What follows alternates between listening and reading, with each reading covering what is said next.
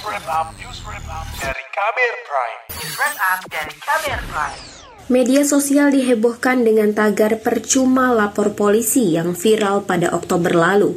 Tagar itu berisi luapan kekecewaan netizen atau warga dunia maya atas respon polisi menangani kasus pemerkosaan anak di Luwu Timur, Sulawesi Selatan.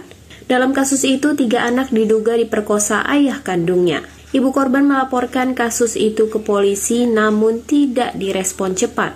Bahkan polisi menghentikan penanganan kasus itu dua bulan kemudian.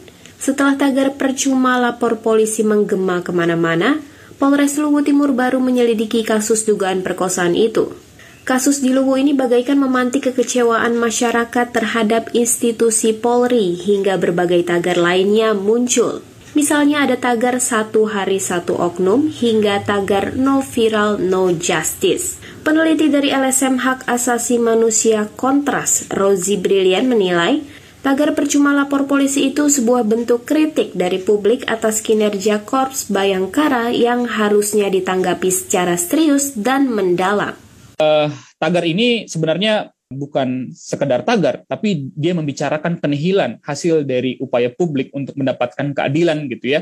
Yang seharusnya polisi bisa kemudian uh, hadir di tengah-tengah masyarakat menyelesaikan Eh, kasus-kasus yang ada di masyarakat, khususnya eh, kasus yang berkaitan dengan uh, tindak pidana. Peneliti kontras Rozi Brilian menambahkan, penanganan kasus kekerasan seksual anak di Luwu Timur, Sulawesi Selatan dapat menjadi sebuah ukuran kinerja kepolisian yang jauh dari kata memuaskan.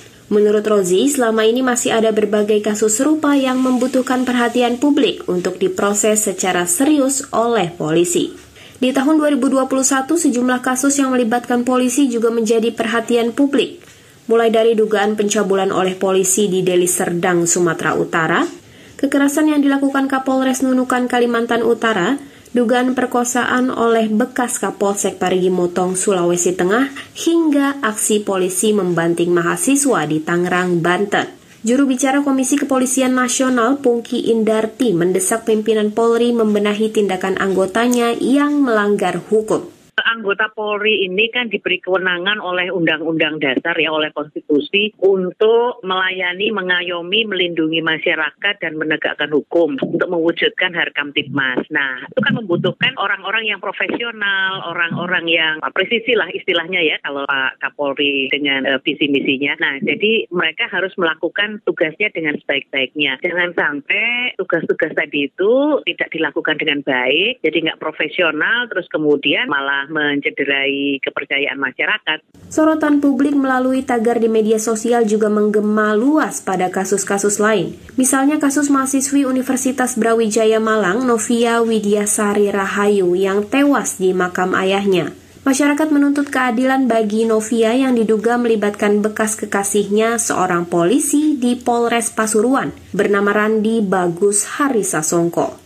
Citra buruk kembali disematkan masyarakat lewat tagar-tagar yang terus disebarluaskan. Merespon tagar-tagar tersebut, Kapolri Listio Sigit Prabowo menyebut hal tersebut sebagai bagian dari evaluasi dari masyarakat.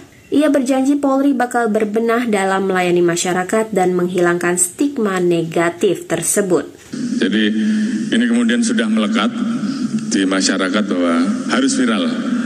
Karena kalau tidak viral, maka prosesnya tidak akan berjalan dengan baik.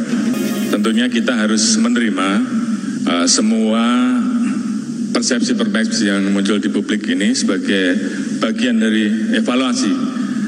Dalam catatan akhir tahun, Komnas HAM juga memberikan sejumlah evaluasi bagi kepolisian. Komisioner Komnas HAM BK Ulung Hapsara meminta Polri responsif dan melakukan penegakan hukum dengan adil dan tidak pandang bulu, termasuk kepada anggotanya yang melakukan kejahatan supaya tiap hari kita tidak disuguhi berita tentang informasi tentang apa layanan publik dari aparat kepolisian yang tidak responsif begitu.